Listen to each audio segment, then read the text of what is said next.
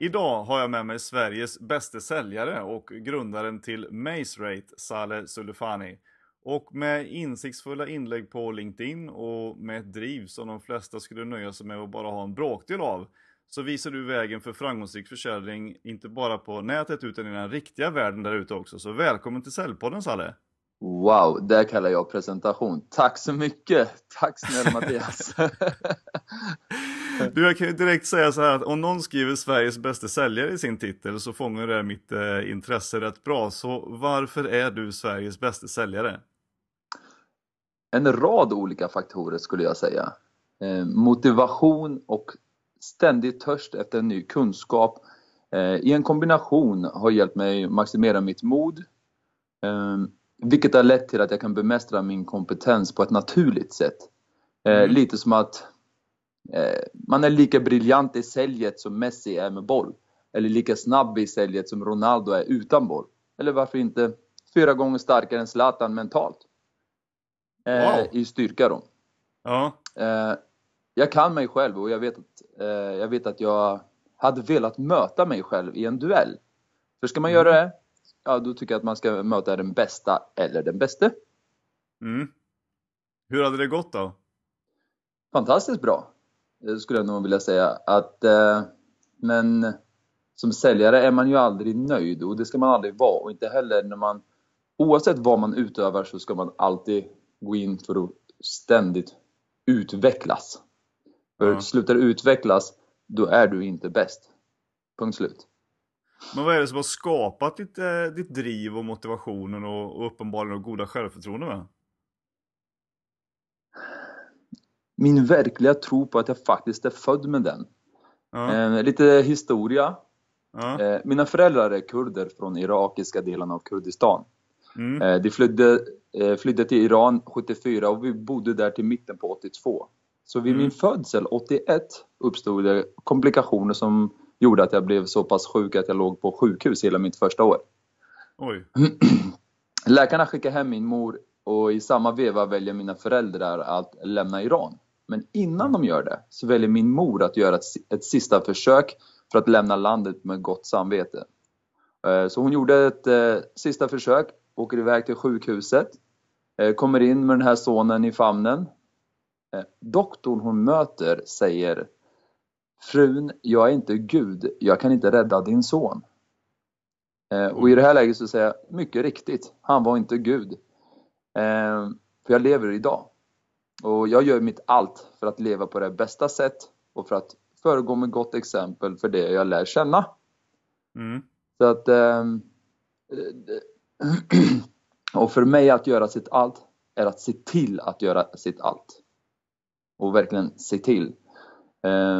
Som juniorspelare till exempel valde jag provspela för Degerfors Tipselit. Problemet mm. var bara att jag bodde i Karlskoga på fel ände och mina träningar var 13 kilometer bort. Mm. Så jag säger till min far att Pappa, hur ska jag hinna med träningarna efter skolan? Jag hinner inte med bussen. Och här är det roliga. Hans svar var så enkel. Han säger bara, spring dit. Mm. Sättet han, han sa det på kunde inte missförstås. Så jag stoppar i mina fotbollsskor i eh, en sån liten påse med snören på. Ja. Eh, trycker in armarna, knyter fast den vid bröstet och så springer jag till träningarna.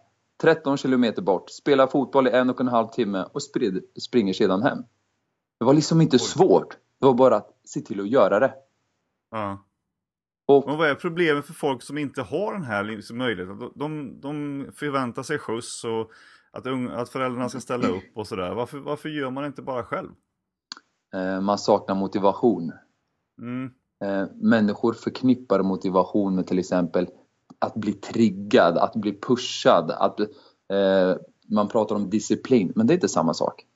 Motivation, om man går in och, och verkligen läser vad det verkligen betyder, så är det mm skillnaden mellan att göra sitt yttersta eller minsta möjliga du kan komma undan med. Mm. Alltså, Antingen går du in och gör verkligen ditt yttersta och springer de där 13 kilometerna till din träning, kör din träning och springer hem, som det, som det var för mig. Mm. Eller så väljer jag att göra minsta möjliga, det vill säga jag tar cykeln halva vägen, ringer en kompis, försöker snacka dit mamma och pappa eller whatever. Mm. Och då genomsyrar det liksom resten av ens sätt att vara också om man är på det sättet istället. Mm. Jag har förstått att fotbollen är rätt så stor del, eller har varit en stor del av ditt liv och du har eh, höga tränarutbildningar och tränat en del lag och sådär. Men hur har dina liksom, kunskaper inom försäljning och sälj förts, eller kan man föra över det till spelare på ett bra sätt? Du ska få ett varför på den frågan och du ska få ett exempel på hur jag tillämpar mitt varför. Ja. En dag för någonstans runt 20-21 år sedan är jag på väg hem från en fotbollsträning och möter där då ute på gården min granne och barndomsvän Kebba. Ja. Jag ropar till honom på avstånd. Kebba, läget? Får inget svar. Kommer lite närmre. Hur är det? Får ingen respons. Sen när han står ungefär två meter ifrån mig så säger han Jag ska lägga av med fotboll. Och då såg ju jag svart. Mm. Tänk dig, den här killen har allting man kan önska eh, hos en fotbollsspelare. Han var snabb, han var teknisk, han var brutal med bollen. Jaha, säger jag då. Så jag bara, men vad är anledningen? Han bara, Salle, vi förlorade med 7-0 idag. 7-0! Okej, okay. ja, det är sånt som kan hända. Nej, det är det inte. Det här är tipselit vi pratar om. Okej. Okay. Mm. Men det är väl inte så farligt, du kommer glömma det nästa vecka. Nej, utan problemet var att det var samma snubbe som gjorde alla sju målen. Förstår du hur grym han var? Nej, jag kunde inte förstå det. För det enda jag förstod var att en av de bästa fotbollsspelarna jag sett live, Kebba, precis har gått ner sig. Okej, okay. Hamas Salle, du är någonstans runt 1,90 lång. Det är alla våra fyra försvarare också. De gick upp en nickduell mot den här killen. Och dit de nådde med huvudet var den här killen med bröstet och tog ner bollen. Förstår du vilken spänst han hade? Mm. Ja, den lät ju också lite brutal. Så jag bara, men vad hette han då? Han bara, jag vet inte, typ något sånt här jag tror att han var från Bosnien eller någonting, för han hette Zlatan Ibrahimovic eller något sånt. Mm. Den matchen såg till att min barndomsvän som satt, som bemästrade fotboll, slutade med fotboll. Ganska kul. Och vad är Zlatan idag? Resten är historia. Mm. Eh, och hur jag tillämpar den? Eh, jag lovar mig själv att så länge jag kan hjälpa en människa så kommer jag göra allt för att aldrig skälpa en. För två år sedan var jag tränare för Karlslunds U19 och där hade jag en fantastisk fotbollsspelare vid namn Filip Amin. Den här mm. Filip, då bara 14 år ung, alltså särklass yngst i laget. En dag möter vi BK Forward och där då så har vi Jimmy Durmas far, Simon Durmas, som tränare i motståndarlaget. Mm. Och i vanliga fall så brukar jag köra taktiken ganska grundlig, men jag väljer att gå in i omklädningsrummet och så det enda jag säger är Filip, alla kollar upp. Idag går du in och gör må två mål första 30 minuterna och sedan spelar vi vårt vanliga spel. Det kommer göra ett mål, ja, men de kommer inte göra mer än ett mål. Och matcherna i det här läget var 80 minuter långa. I 79 minuten står det 2-1 till oss och de får en straff. Jag ropar till vår målvakt. Måns! Han kommer sätta ner ribban. Ja, Durmas vänder sig om och tittar på mig med en sån här blick. Vad, vad menar du? Och jag bara, han sätter den i ribban, trust me. Då hör man mina spelare som sitter redo att hoppa in. Oh, nu går coach igång, säger de. Och jag vänder mig till dem med ryggen emot planen. Bara tar upp min hand. Bara, grabbar, lyssna på det här. Kabam! Han dundrar ner ribban. Och vi vinner matchen med 2-1. Jag tror på att mental styrka faktiskt kan bli en verklighet om du tror på den ända ut i själen. Nu menar jag verkligen själen och inte bara fingertopparna. Mm. För fingertopparna har ett slut, men själen har inget slut. Så yes. man ska liksom eh, verkligen eh, se till att man eh, aldrig slutar och eh, eh, tänka framåt och eh, fortsätta att bli bättre för att hela tiden eh, alltså aldrig liksom uppnå någon form av slutpunkt tänker du eller har jag tänkt fel? Ja, helt mm. rätt. Jag tror att det som, man brukar säga att det som ger mest, det som väljer att göra det där lilla extra. Men det är egentligen inte det där att göra det där lilla extra som är facit. Utan det som är facit är det här. Som en fotbollsspelare kan sitta på bänken. Jag sitter och tittar på match ut, match in, får kanske spela någon minut. Mm. Men det är inte det jag egentligen väntar på att få komma in. Utan det man egentligen väntar på är att antingen så måste coachen bytas ut eller så måste coachen eh, få en uppfattning av, av att okej, okay, nu måste jag göra en förändring. Eller att faktiskt en annan spelare inte presterar. Mm. Om man tänker i de här termerna att det enda jag behöver vänta på, det är inte min chans utan det är att något annat ger mig min chans. När jag får den chansen, då måste jag ta den. Mm. En del kallar det för tur, men det är det inte. För tur är eh, förberedelse som faktiskt, eh, vad är det man brukar säga, när förberedelse möter tillfället. Mm. Jag har förberett mig på alla mina träningar, jag kör extra träningar, jag kör sidoträningar, jag kommer till matchen, jag är förberedd. Jag behöver ett tillfälle. När den kommer och jag sätter ett mål, vips så är vi i en, helt annan dager. Ja, att man hela tiden eh, jobbar sig upp till den nivån så att, eh, att eh, alltid vara förberedd på om man får ett tillfälle. Ja. Mm. Jag tänker på, eh, jag läste lite om dig att eh, du hade lärt dig italienska i syfte att kunna bli coach för ett italienskt lag någon gång. Stämmer ja. det? Jag, jag, jag försöker faktiskt lära mig italienska och, och det är precis så som du säger. Jag, jag vill bli coach i något italienskt lag, ja. Mm. Och då måste man förbereda sig med lite italienska först såklart.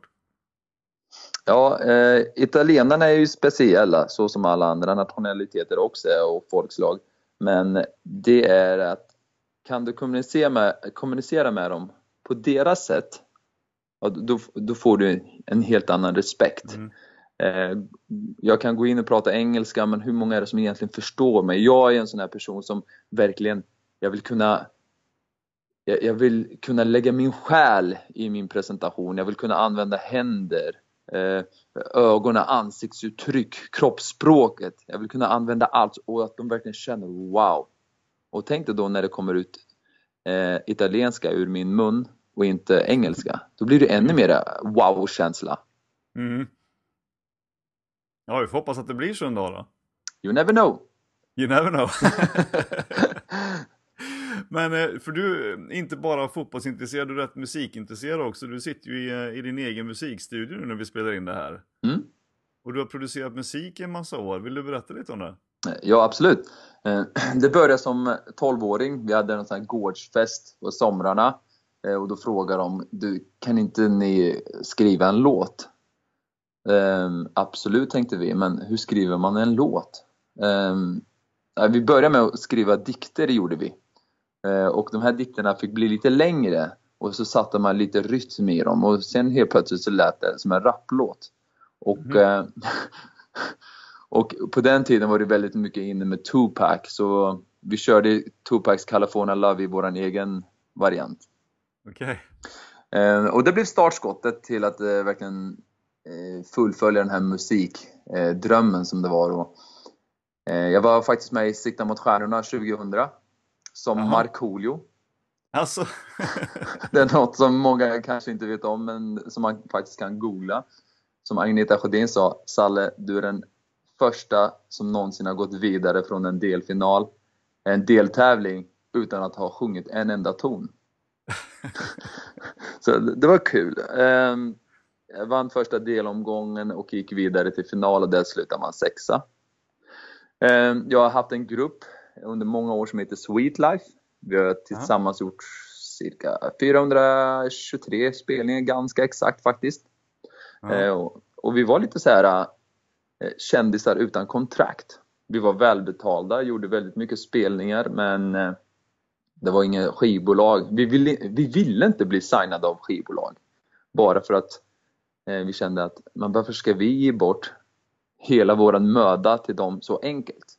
Mm. Så vi promotade oss själva och skrev alla våra riders och eh, löste med ljudanläggningar och det blev mycket resa.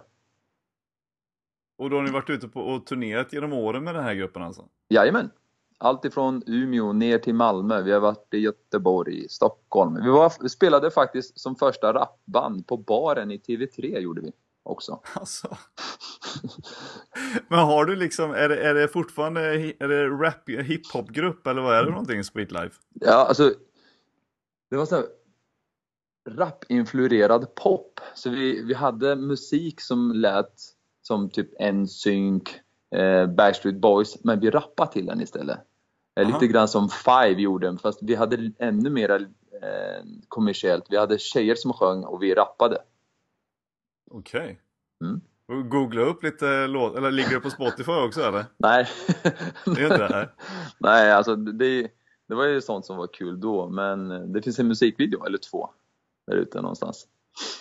Coolt. Mm. Får lägga lite länkar till den eh, till eh, avsnittet här. ja. Men liksom eh, om man tänker på rent försäljningsmässigt då, hur, hur liksom din resa inom och bakgrund inom sälj sett ut då?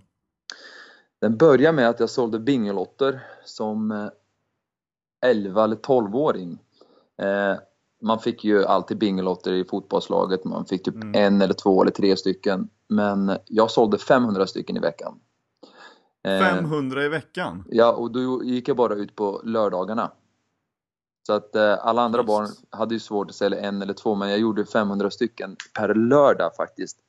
Ehm, och då gjorde jag nere utanför eh, Prix. Man fick ju aldrig stå där inne och sälja, så jag fick springa runt på parkeringen. Och tänkte då när det kommer en 11-12-åring, ser lite halvfrusen ut med 500 bingolotter innanför eh, jackan. Men tekniken här var att jag tog fram två stycken bara. Och så sprang jag runt på den där parkeringen när folk precis hade steppat ut ur sina bilar. Bara, Ursäkta, jag har mina två sista bingolottor. Du kommer bli miljonär på dem tror jag. Och de tyckte det var så gulligt. Så ja, jag tar väl dem. Jag tar väl dem. Så höll man på sådär. Jag sprang runt på den där parkeringen och fick fyra kronor per bingolott. Så det var välbetalt också. Ja, det, det är nog den eh, värsta storyn jag har hört om Bingolotter faktiskt. Jag kommer ihåg det här själv. För man fick ju fyra i veckan. Jag höll på att spela volleyboll när jag var lite yngre. Så då fick man fyra i veckan man skulle sälja. Och det var ju, slutade alltid med att farsan fick köpa ett par stycken av de där i alla fall. 500, Motivation ja. Mattias. Jag hade väl inte rätt då från början. Eh, och det, det, det var faktiskt ganska kul för att eh, en dag så kommer Leif Loket Olsson dit och så då står ju han där precis innanför entrén och det är smäckat med människor och han ropar typ lite grann eh, aktionsinfluerat. Han ropar du där borta, jag tror på att du ska ha tre stycken. Varsågod och du där, du ska ha två. Men vid ett tillfälle när jag står där inne och äter min macka eh, precis innanför där, där de hade såna här eh, spelautomater. Mm. Kan någon förklara för mig vart de där bingolotterna kommer ifrån? Och så pekar han på en som jag precis hade sålt till. Och då kom ju den här ägaren utav Prix och jagade mig ute på parkeringen. Så fick man sticka och gömma sig någonstans bakom någon bil och sen när han hade gått in fick man gå ut på parkeringen igen och sälja. Men hur, hur resonerade föreningen då? För du måste ju varit liksom eh, deras största inkomstkälla då under ett antal eh, år med. Jag hade faktiskt en deal med en kille som var eh, någon han var ungdomsansvarig och jag sa det, jag, bara, jag tror jag kan sälja jättemånga om jag får någon pengar för det. Han bara, ja, men jag kan kolla på vad du skulle kunna få för det. Så han löste så jag fick fyra kronor. I början var det två kronor per bingolott och eh, efter något år så fick jag fyra kronor per bingolott. Ja, så det var inga konstigheter. Eh, Så där började min säljkarriär och den gick vidare i, till när jag gick i åttan. Eh, Man skulle välja praoplatser och eh, jag hade faktiskt glömt att välja en praoplats. Så jag fick eh, ett skomakeri. Och på det här skomakeriet så hade vi en man som hette Rune Gren. En fantastisk person. Mm. Det började med att han bara Är du duktig? Jag bara Jag blir precis så bra som du vill att jag ska bli. Tills jag kan jobbet, sen kommer jag bli bättre än dig. Och eh, jag blev kvar där i nio år. Eh, den här Rune hade en förmåga att charma kvinnor framförallt. Han var Mhm. fantastiskt duktig på att prata. Och det var så här, så eh, kvinnorna kom dit och stod, tyckte att det var jättetrevligt att prata med honom. Så jag sa det till honom, du varför kommer alla kvinnor hit och pratar med dig? Mhm. Och då visade det sig att han var riktigt bra på att dansa bugg. Jaha. Så han tog med mig till Karlstad. Där, vad gammal är man? 13-14 år gammal. Tog med mig till Karlstad. Och så gick vi ut en kväll och dansade med de här kvinnorna. Fick jag lära mig bugg också. Jättekul. Ehm, så det var ju lite grann som att tänja, tänja på arbetsuppgifter. Ehm, 2008, då, då blev det ju säljare på riktigt. Ehm, jag sitter en dag och pratar med min barndomsvän Cass.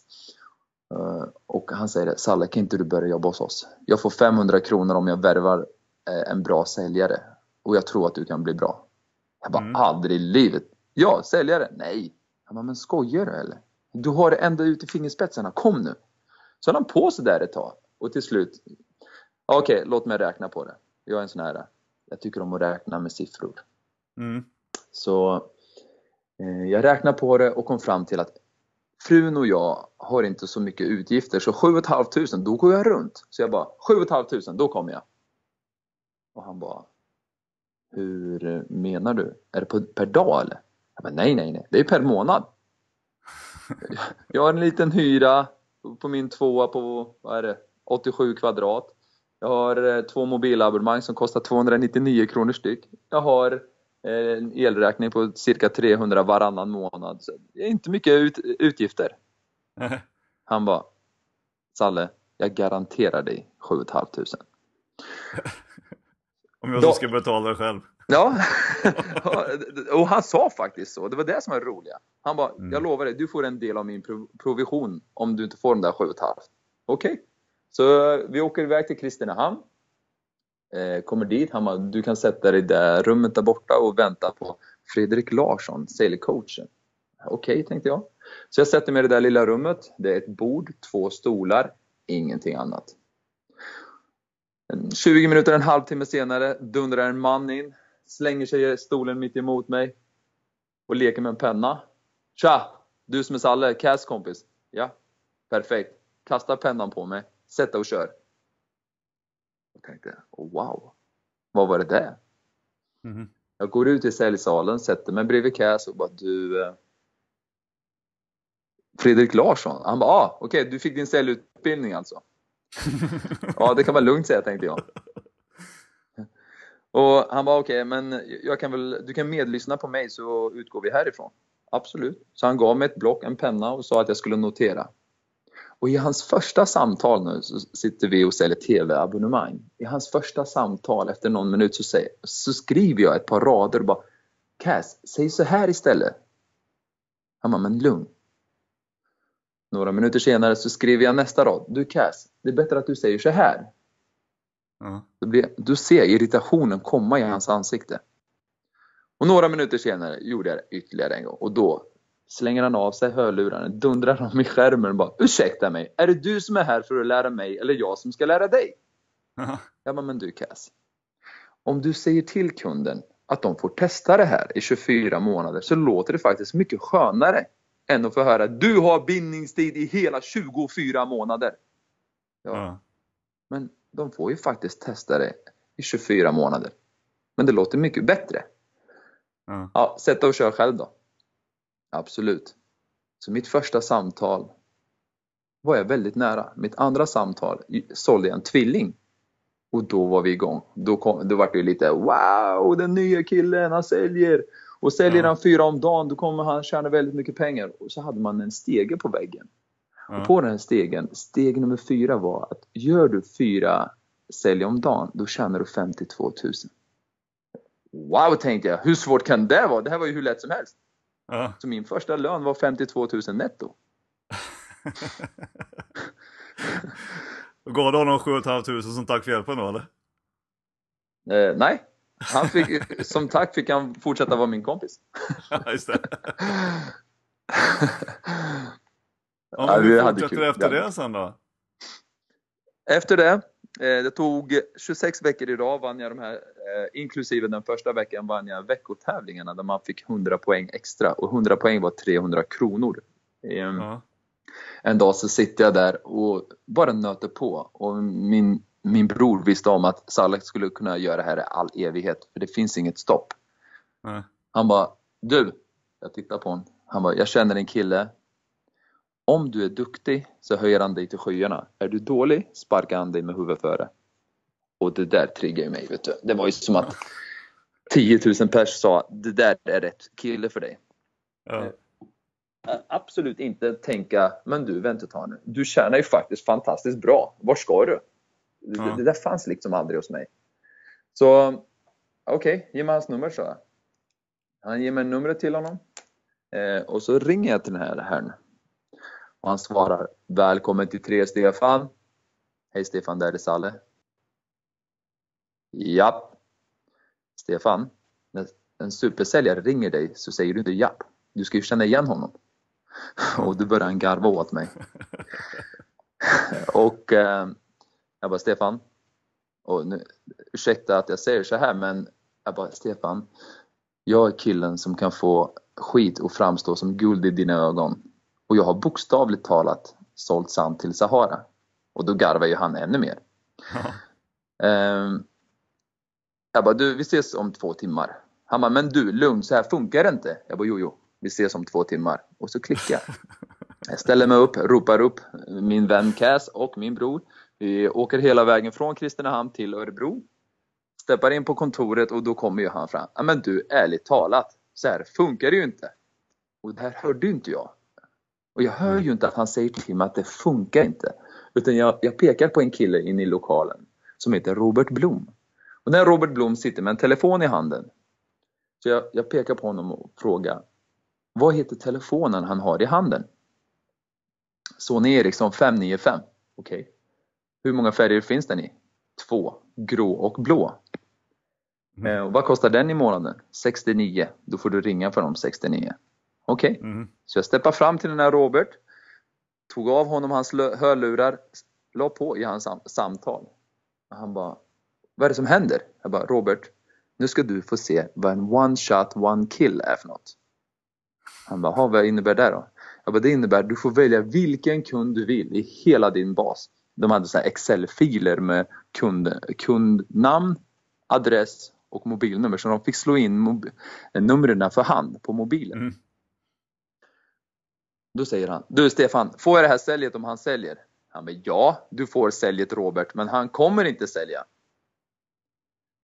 Jag ringer till den här kunden. 13 minuter senare har jag sålt tre mobilabonnemang till kunden. Så det blev en one shot, three kills.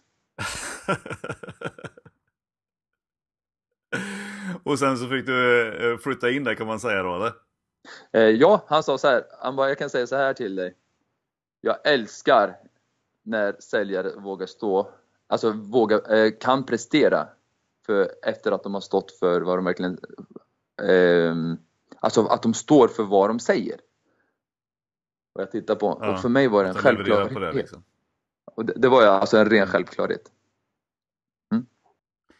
Eh, men eh, eh, mobilabonnemang och sånt, men vad har det varit mer eh, under årens lopp då?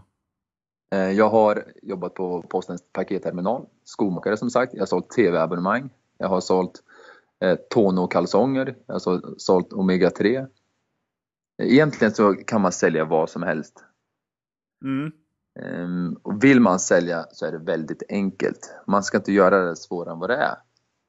Vad har varit roligast då? Att sälja in mitt varumärke. Ja.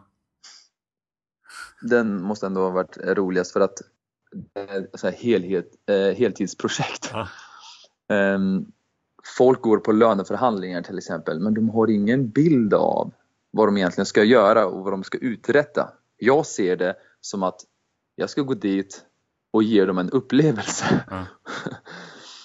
Ehm, en dag blev jag uppringd när jag är på väg hem från jobbet i Mariestad. Uh, blev jag uppringd uh, utav en herre som säger Du, jag vill anställa dig. Jag bara, du har inte råd. Han bara, okej. Jag kommer boka första klassbiljetter till er så kommer ni ner till Malmö imorgon redan. Okej. Men jag lovar dig, du har inte råd. Mm. Han bokade de där biljetterna och då var det den här Stefan från Tre som hade rekommenderat mig. Ja. Jag kommer ner till Malmö, han presenterar hela kontoret för mig och så ska han sätta sig och löneförhandla. Då. Han har med sig en kille som också är lyssnare så att allting är wow. Så jag ska känna någonstans att det är de som dominerar. Mm. Men de hade ingen aning om vem den här snubben är som sitter på andra sidan bordet. Nej. Saleh Soleifani. så han kör sitt race i 45 minuter. Till slut kände jag alltså det här blir bara prat. Jag bara ursäkta mig. Böjer mig över bordet, tar tag i en post-it bunt. Skulle jag kunna få låna din penna är du snäll? Han bara ja. Han ger mig en penna. Och så skriver jag det att ons punkt 40.000 kolon streck tors punkt 45.000 kolon streck fre punkt 50.000 kolon streck vänder på de här, lägger, lämnar över dem. Han tittar på dem med typ, vad är det här? Jaha, så vad är det här Salle? Jag bara, om du anställer mig idag så kostar jag bara 40 000 i grundlön per månad. Anställer du mig imorgon är det 45 och på fredag är det 50. Han bara, men lugn nu. Och när han sa, men lugn nu, då känner jag att han tvivlar. Och en person som tvivlar vill jag inte jobba för. Mm. För att han tror inte själv på sin idé. Så jag bara, jag tog alla de där lapparna, skrynklade ihop dem och slängde dem i papperskorgen. Jag bara, vet du om en sak? Tack så mycket, men vi är inte rätt för varandra. Han bara, men gör så här. Åk tillbaka till hotellet. Ta det lugnt under kvällen så ses vi imorgon. Jag åkte tillbaka till hotellet, bokade om mina biljetter och åkte hem. Mm. Sen kom eh, ett meddelande på fredagen. Okej, du får 50. Men då var det inte intressant. För det fanns ju inte riktiga det här värdet. Alltså när du känner att chefen tror så hårt på dig att det spelar ingen roll vad som kommer hända. För chefen vet att du kommer leverera. Mm. Den känslan, bär du med dig den som säljare eller som arbetstagare överhuvudtaget, då känner du dig lite grann odödlig Mm. eller oslagbar. Den är viktig. Men tänker du liksom att alla skulle kunna bli bra säljare med lite rätt motivation, driv och inställning? Eller är det någonting som du tror att man behöver ha med sig lite grann inifrån, från grunden?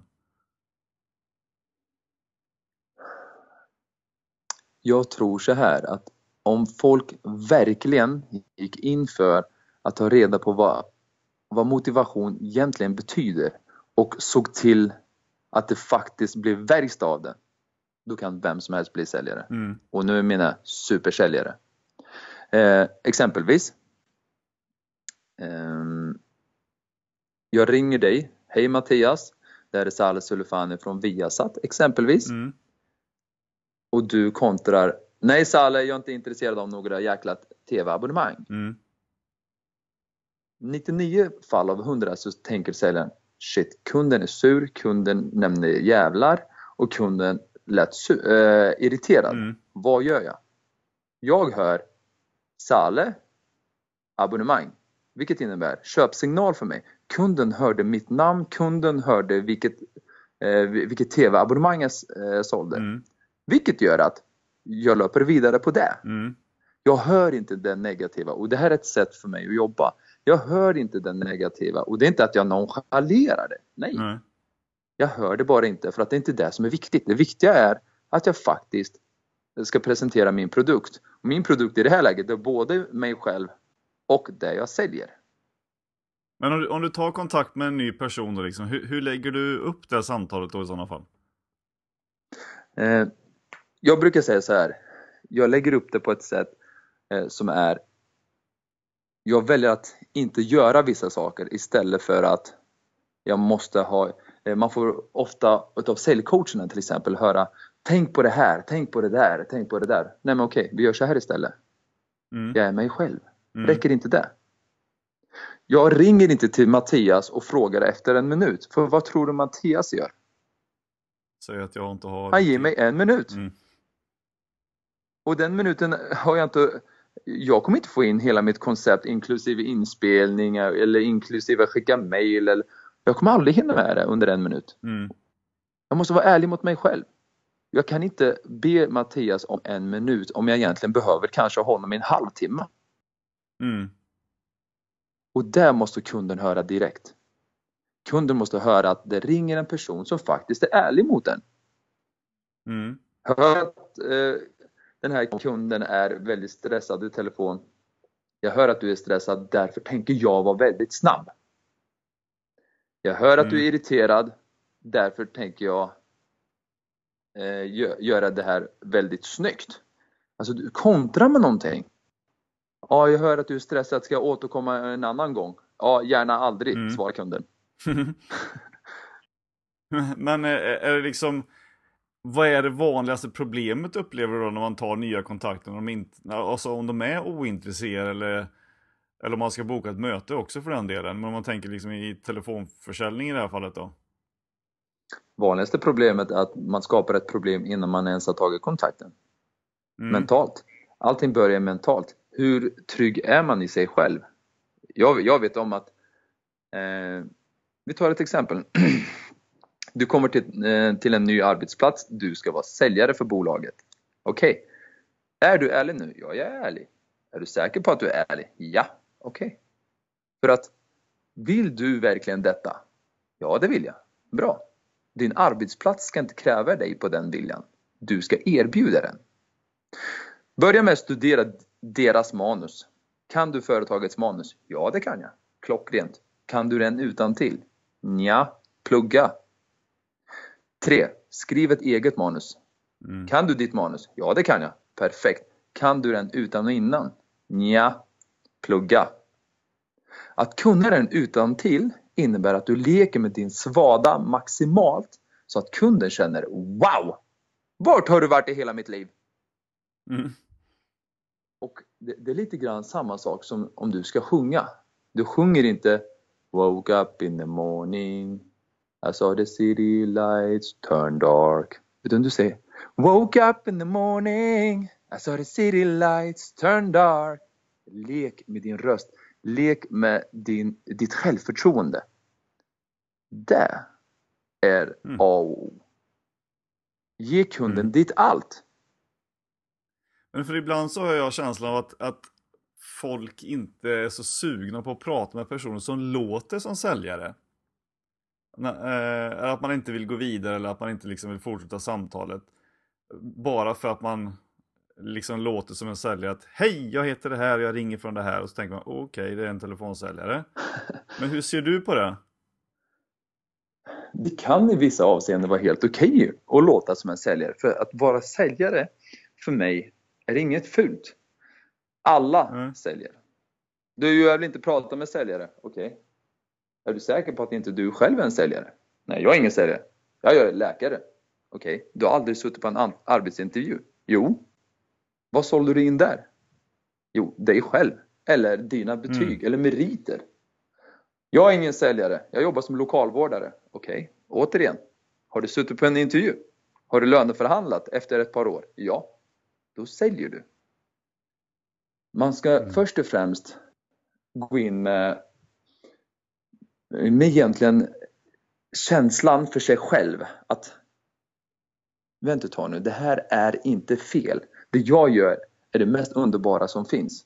Det enda jag ska göra nu är att jag ska förmedla det. Hur förmedlar det? Ställ dig framför spegeln. Mm. Då låter du inte som en så monoton säljare. Ställ dig framför spegeln, titta på dig själv, kolla på hur du rör din kropp. För att inte låta som en tråkig säljare så måste du först och främst eh, egentligen kroppsspråksmässigt inte vara säljare. Mm. Nu låter det negativt när vi pratar om att säljare hit och säljare dit, men det är faktiskt positivt. För att ställer du dig upp, man brukar säga ja, ställ dig upp så då kommer det gå bra. Nej, det gör det inte. Jag känner mig inte bekväm med mig själv. Ja. Börja där. Är du bekväm med dig själv så kan du faktiskt sitta ner, virka och dricka en halv flaska vodka och ändå sälja bra. För det har jag sett en kvinna göra faktiskt.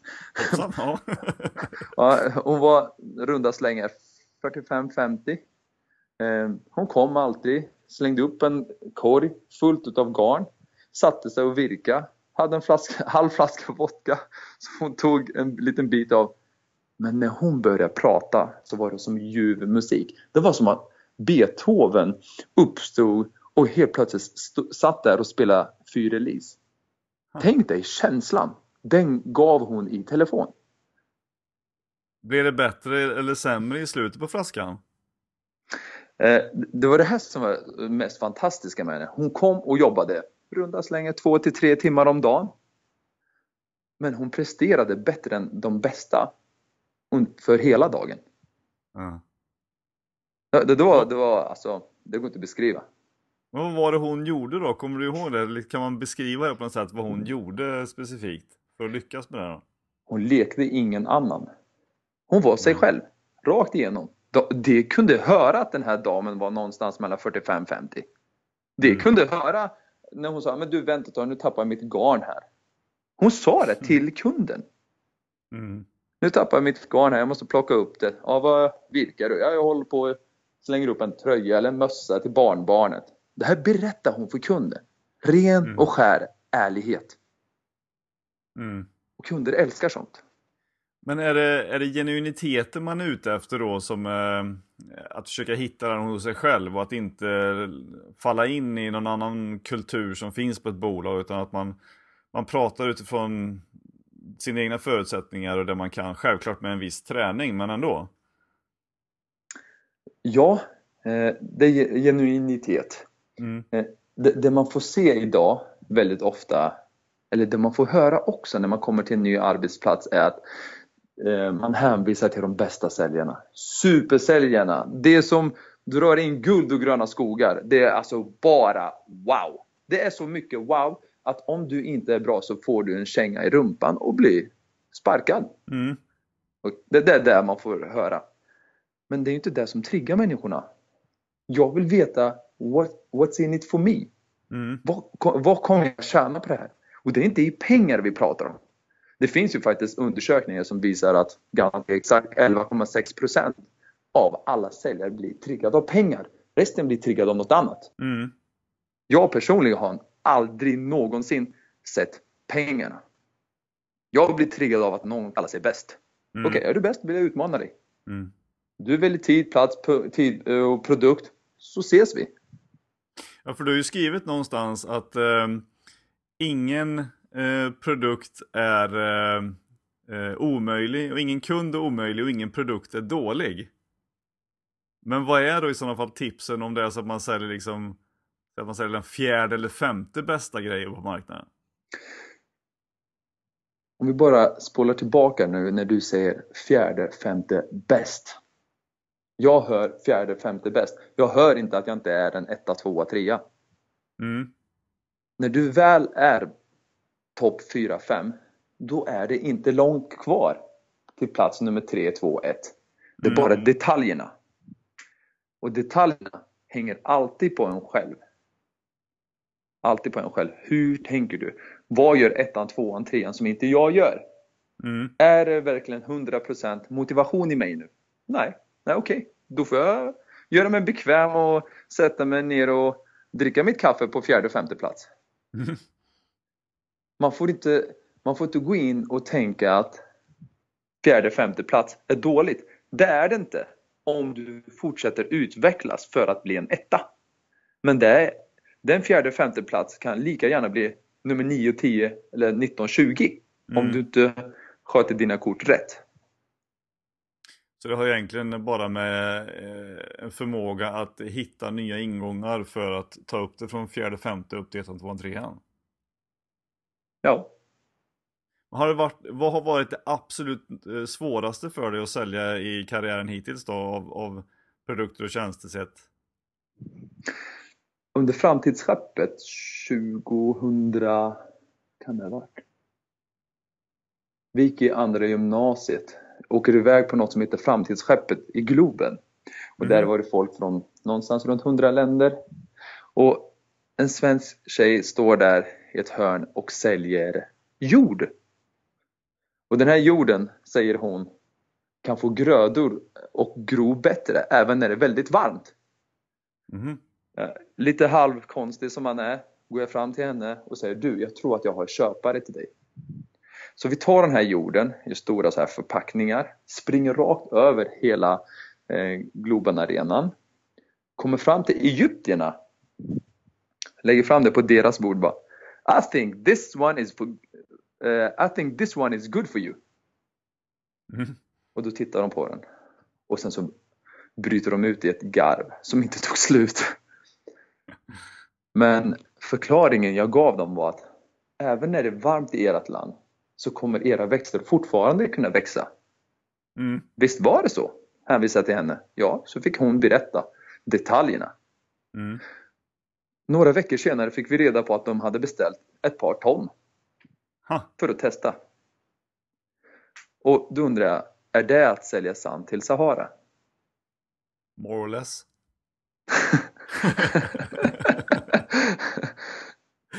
Men det var ju inte, ja det är kanske det svåraste, men det lät ju ändå inte särskilt svårt för eftersom det gick ganska omgående då. Men har det funnits liksom saker som att du har fått ett uppdrag och så är det liksom, åh herregud, hur ska det här, det här är ju inte lätt alltså, hur ska jag ta mig an det här?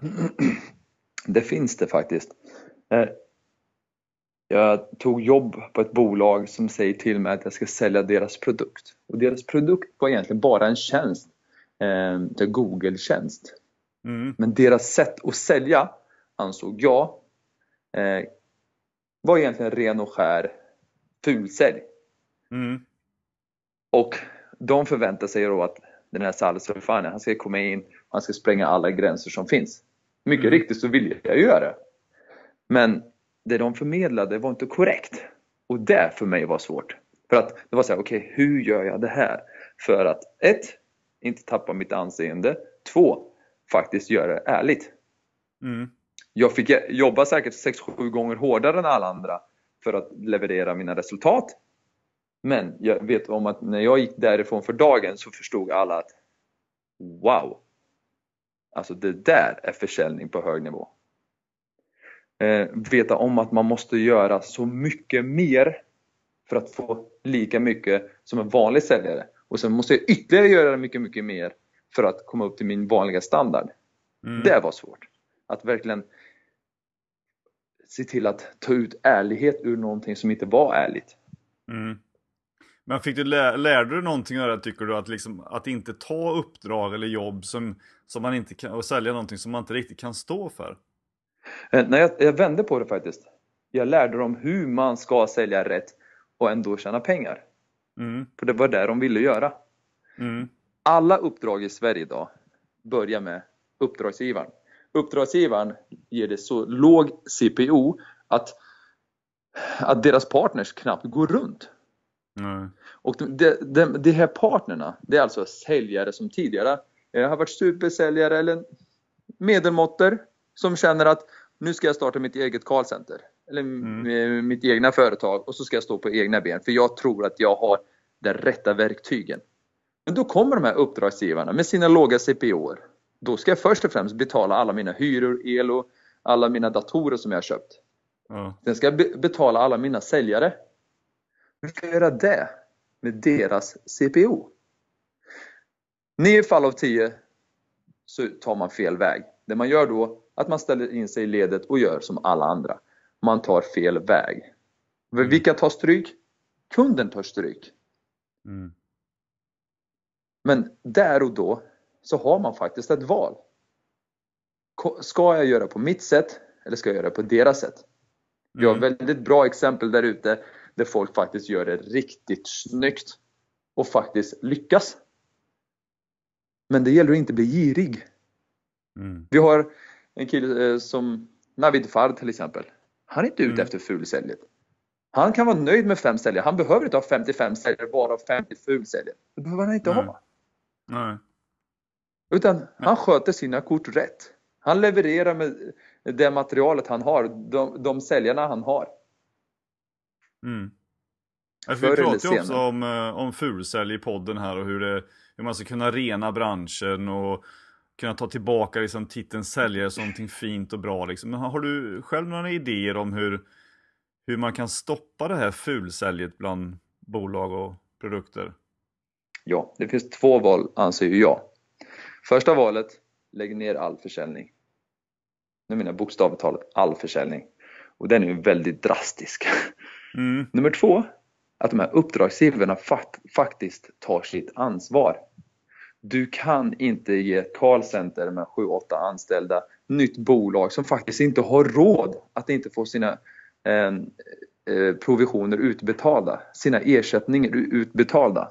Du kan inte ge dem så låg ersättning att de inte kan ta hand om era kunder. Mm. Om Sale AB ska överleva så måste jag kunna ge honom en lön så att han får utbilda sina säljare. Så att han får möjligheten att lägga den tid som krävs för utbildningar. Kunskap är ju makt. Men jag kommer Mm. inte hinna med kunskap om jag inte kan överleva eh, med det kapitalet jag har. Och det kommer jag aldrig kunna ha om uppdragsgivarna inte ger rätt CPO. Mm. Och CPO Så innebär alltså hur mycket pengar man får för försäljningen helt enkelt. Ja, Mm. vi måste förstå att någonstans i slutändan så är det ju deras kunder som tar stryk för att inte mina säljare gör sitt jobb. Men mina säljare kommer aldrig kunna göra sitt jobb för att jag pushar dem så hårt. Mm. Och jag är inte intresserad av... Ursäkta? Ja, då skapas fulsälj av att de eh, måste uppnå sin provision eller vad det nu kan vara. För att få mat Ja. på bordet. Mm. Ja. Och för jag vill inte hänvisa till en säljare som är en fantastisk människa men som inte tar in pengar. För det är så det blir. Ja, Mm. den där personen, den är en fantastisk person. Hur mycket säljer den? Ingenting! Och den där, ja, genomrutten. Men tyvärr så tjänar vi fantastiskt mycket pengar. Mm. Men tänk dig då om man kunde säga så här. Alla mina säljare här tjänar bra med pengar. Alla mina säljare sköter sitt jobb. Alla mina säljare eh, får betalt för det de uträttar. För Mm. jag får den möjligheten att faktiskt utbilda dem så att de kan ta sig dit. Mm. Och nu har ju du dragit igång eh, Maze Rate här för ett tag sedan. Mm. Som, eh, som ett nytt projekt får man väl ändå säga. Och, men kan du berätta lite om vad det är och vad är idén bakom det? Ja. Eh, 19 maj förra året kom jag på att jag ville lägga ner mitt bolag som var konsultföretag där, man, eh, där jag kunde eh, hyra ut mina tjänster till till exempel eh, eventföretag som eh, ville ha igång sin försäljning. Mm. Och eh, redan då fick jag höra att Salle, du kommer aldrig lyckas med det här för att du kan inte sitta hemma. Den 20 gick jag in på Bolagsverkets hemsida, avregistrerade mig, och- eller om det var Skatteverket, jag gjorde allt det där Mm. som man var tvungen att göra. En månad senare, en morgon, klockan 14 minuter över fem, vaknar jag upp eh, och kommer ihåg en dröm som jag precis hade haft. Jag, jag tar upp min telefon, inspelningsfunktionen, du vet när man swipar med näsan, orkar inte ens använda fingrarna. Spelar in, det, spelar in den här drömmen på telefon och lägger på. Två veckor senare lyssnar jag på den. Men jag gjorde ingenting av den där och då utan i september så får jag ett samtal en dag där en vän behöver komma igång med sitt callcenter, så han behöver kundlistor, han behöver uppdrag. Då ringer jag till det här bolaget eh, som jag startade min säljkarriär hos i Kristinehamn. Mm. Och efter att ha löst det här åt honom så sa jag till den här personen, den här ägaren på bolaget. Du, gör du några investeringar? Absolut, om det är bra. Och jag berättade kanske 20% av de här 100% som jag kan. Och han sa, Salle, Salle. Det här är det bästa jag har hört senaste 30 åren. Det här är ju helt fantastiskt. Du måste hitta de här som kan göra det här systemet. För det, är, det kommer bli världsomfattande. Mm. Okej. Så med mina, vad hade jag? 256 kontakter på LinkedIn. Mitt enda sociala media någonsin. Aha. 92 000 visningar. Och sen så rasslar det in. Och nu sitter jag på någonstans runt 5800 fantastiska eh, kontakter. Ja. Eh, och då tänkte jag, okej, hur gör man det här så att det blir en wow-känsla för det som kommer närvara? Så jag slängde ut ett inlägg där jag frågade. Det, det, är ganska, det borde vara ganska normalt att jag frågar efter den bästa och bäste. Mm. Så att Vem är Sveriges bästa föreläsare? Nu vill jag veta. Jag som aldrig går på föreläsningar. Jag fick 81 stycken föreläsare som förslag. Vi skalade ner det till 12. Sen var vi nere på fyra stycken. Mm. Och eh, vi bokade in dem, men hade fortfarande ingen lokal färdig. Så jag tänkte okej, okay, vi har fyra av Sveriges bästa föreläsare som ska komma på, till lanseringen. Jag har inget datum, jag har ingen lokal. Vad gör jag nu? Då slängde jag ut nästa inlägg. Hypade ännu mer och då, hörde, då började olika företag höra av sig. Vi tycker att ni ska köra ert event på vårt hotell och vi tycker att ni ska göra det här hos oss. Mm. Men då tänkte jag, nej, jag har grott ett frö och jag vet vad, vad jag vill åstadkomma av det här fröet. Jag väntar på en ek. Fullskalig ek och jag vet att den kommer komma. Och mycket riktigt så var det faktiskt en tjej som slängde ut en fråga. Men skulle inte eh, konventum kunna vara intressant? I Örebro där? Ja, i Örebro ja. Och mm. den här tjejen som var ansvarig då hör av sig och hon länkar till eh, en tjej på konventum som faktiskt hör av sig och skrev eh, nej, det hade varit jättekul, något sånt skrev hon, det hade varit jättekul men jag tror inte eh, att Sally är intresserad. Men det är ju det jag har väntat på. Så jag åkte dit. Mm. Åkte dit och hon mötte upp mig i entrén och det gick jättebra, vi skakade hand. Och that's it! Vi ska köra lanseringen den 25 februari 2018. Och vad, vad, är liksom själva innehållet sen då? Vad kommer eh, Maze Rate att göra? Mm. Vad ska Maze Rate göra? Eh, först och främst så skulle jag vilja säga att det här är bokstavligt talat en dröm som ska bli en verklighet. Eh, det jag kan berätta so far är att jag vill lägga upp det så här istället. Mattias, mm. hur många gånger i ditt liv har du fått höra att pengar är inte allt? Ja, rätt många.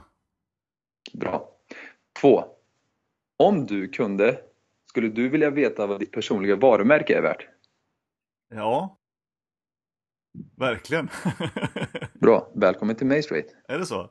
För vi kan, vi kan ge dig det svaret nämligen, på båda frågorna. Hmm.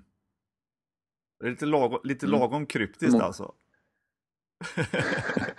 den, den, den, är väldigt kryptisk. Den är, systemet i sin helhet är så fantastiskt komplext så vi har, har tagit fram ett sätt att förklara den. Om du tänker dig så här.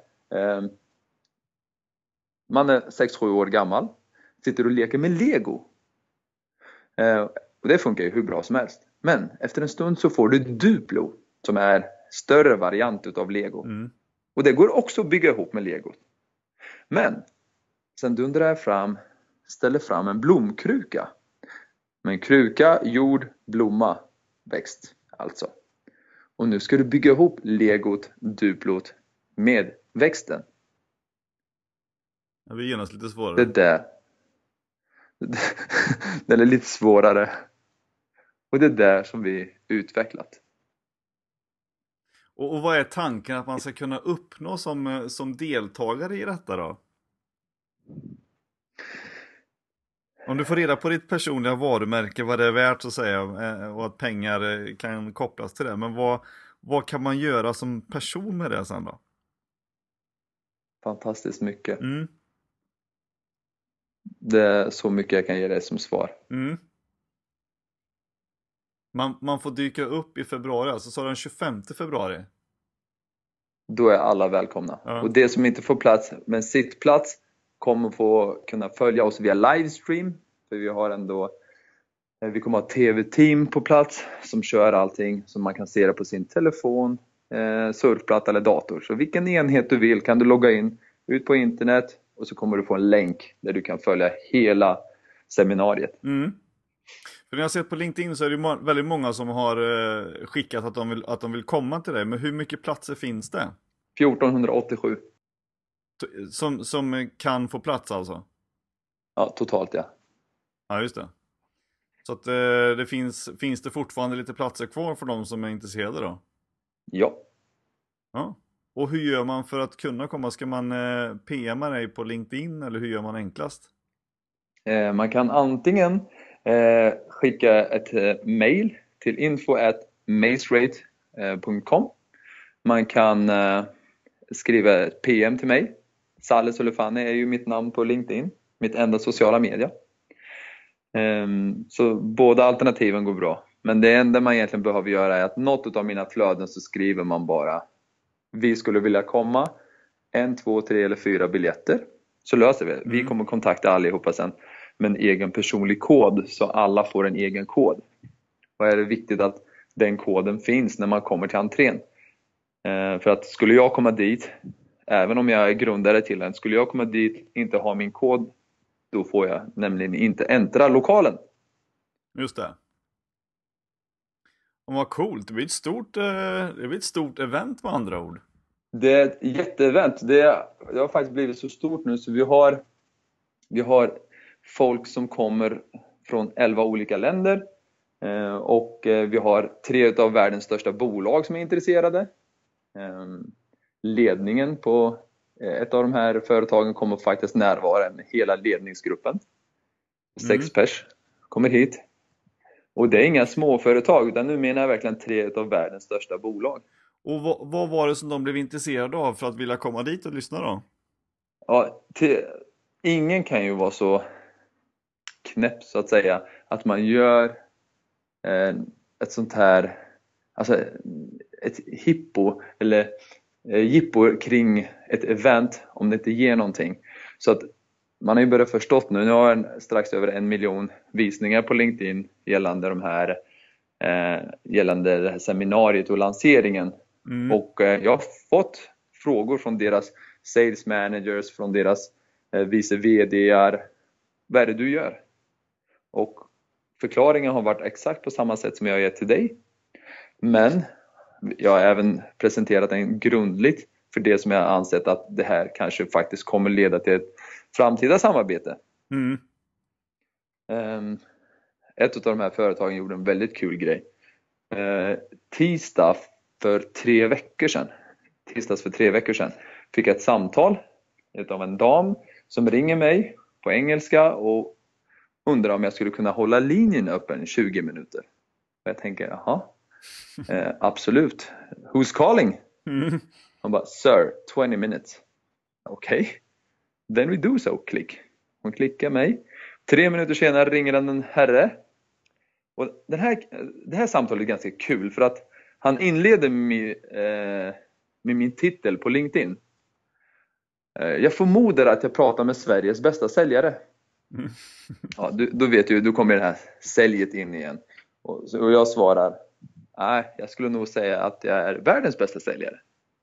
Okej, men då förmodar jag, säger han till mig, då förmodar jag att du inte har träffat Mr. Jag kan inte säga namnet för då vet du vilket bolag det är. Ja. Och jag bara, oj, nej det har jag inte gjort.